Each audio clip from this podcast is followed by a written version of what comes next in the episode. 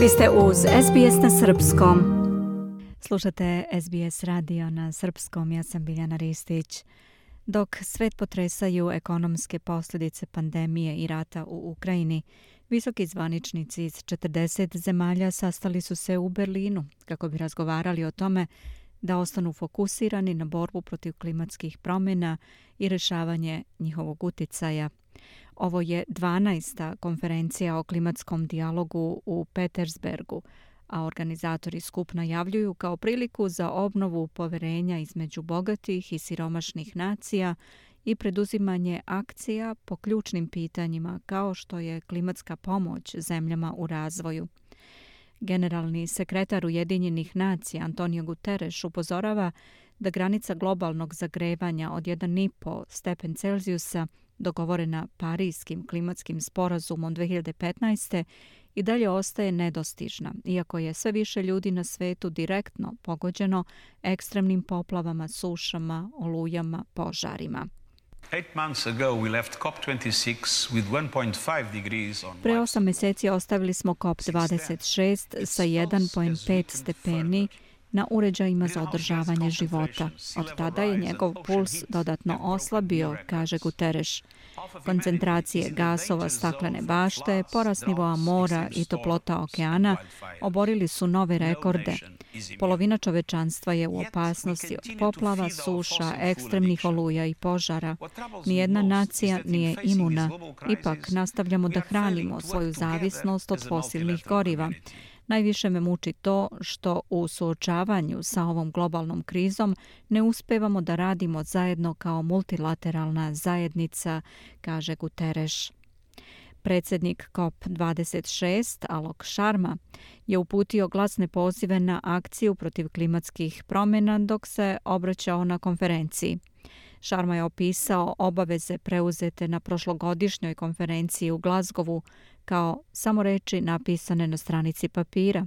We know that the credibility of the international system Znamo da je kredibilitet međunarodnog sistema i onoga što smo postikli u Glazgovu u velikoj meri na kocki.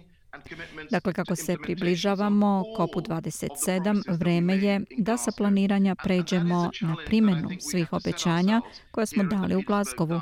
I to je izazov prema kojem moramo da se postavimo ovde tokom dijaloga u Petersbergu za COP 27.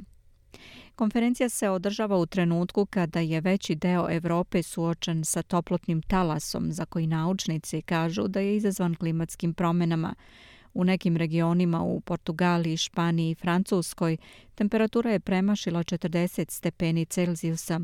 Francuska se pripremila za najtoplije dane ikad zabeležene u toj zemlji, dok se Britanci pripremaju na više od 40 stepeni po prvi put u ovom toplotnom talasu tokom ove nedelje. Temperature u nekim delovima Južne Evrope počele su da opadaju tokom vikenda, ali na hiljade vatrogasaca širom regiona i dalje se bore da obuzdaju na stotine šumskih požara. Vatrogasci u Maroku se također bore sa šumskim požarima koji pogađaju regione širom zemlje od početka prošle nedelje. Komesar Evropske unije za delovanje u krizama Janes Lenarcis kaže da je rizik od požara i dalje izuzetno visok. Ovo leto će biti zaista ozbiljan izazov za sve nas, za nacionalne organizacije kao i za nas kao koordinatore. Prošlo leto je bilo također loše. Prošlog leta smo devet puta aktivirali mehanizam civilne zaštite Unije za zaštitu šuma od požara. Ove godine smo ih već imali pet, a vrhunac letnje sezone je tek pred nama, kaže on.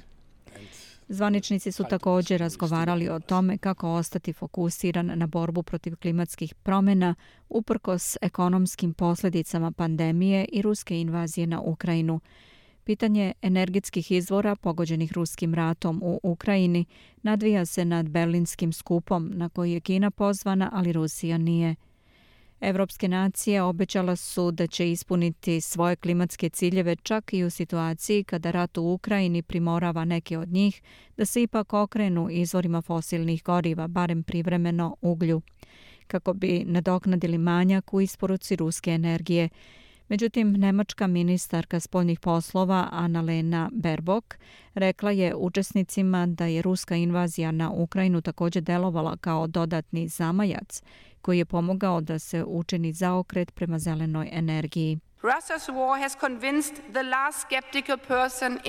Ruski rat je uverio i posljednju skeptičnu osobu u Nemačkoj da nam je potrebno više obnovljivih izvora energije i energetske efikasnosti da bismo zaštitili ne samo klimu, već i našu energetsku bezbednost.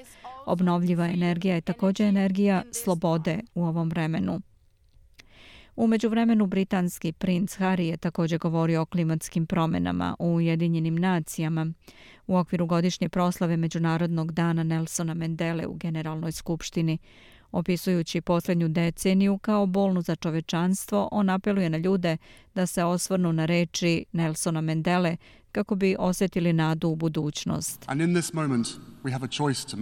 U ovom trenutku moramo da napravimo izbor. Možemo postati apatični, podleći gnevu ili se prepustiti očaju, predajući se težini onoga protiv čega se suočavamo ili možemo da uradimo ono što je Mendela radio svaki dan u toj zatvorskoj ćeliji 7 sa 9 stopa na ostrvu Roben. I svaki dan posle toga možemo pronaći smisao i svrhu u borbi možemo nositi naše principe kao oklop. Poslušajte savjet koji je Mendela jednom dao svom sinu. Nikada ne odustajte od bitke, čak ni u najmračnijem času. Dvodnevni sastanak u Berlinu dolazi u oči novembarske konferencije o klimi COP27 u Egiptu, piše Peggy Giacomelos za SBS News. Želite da čujete još priča poput ove?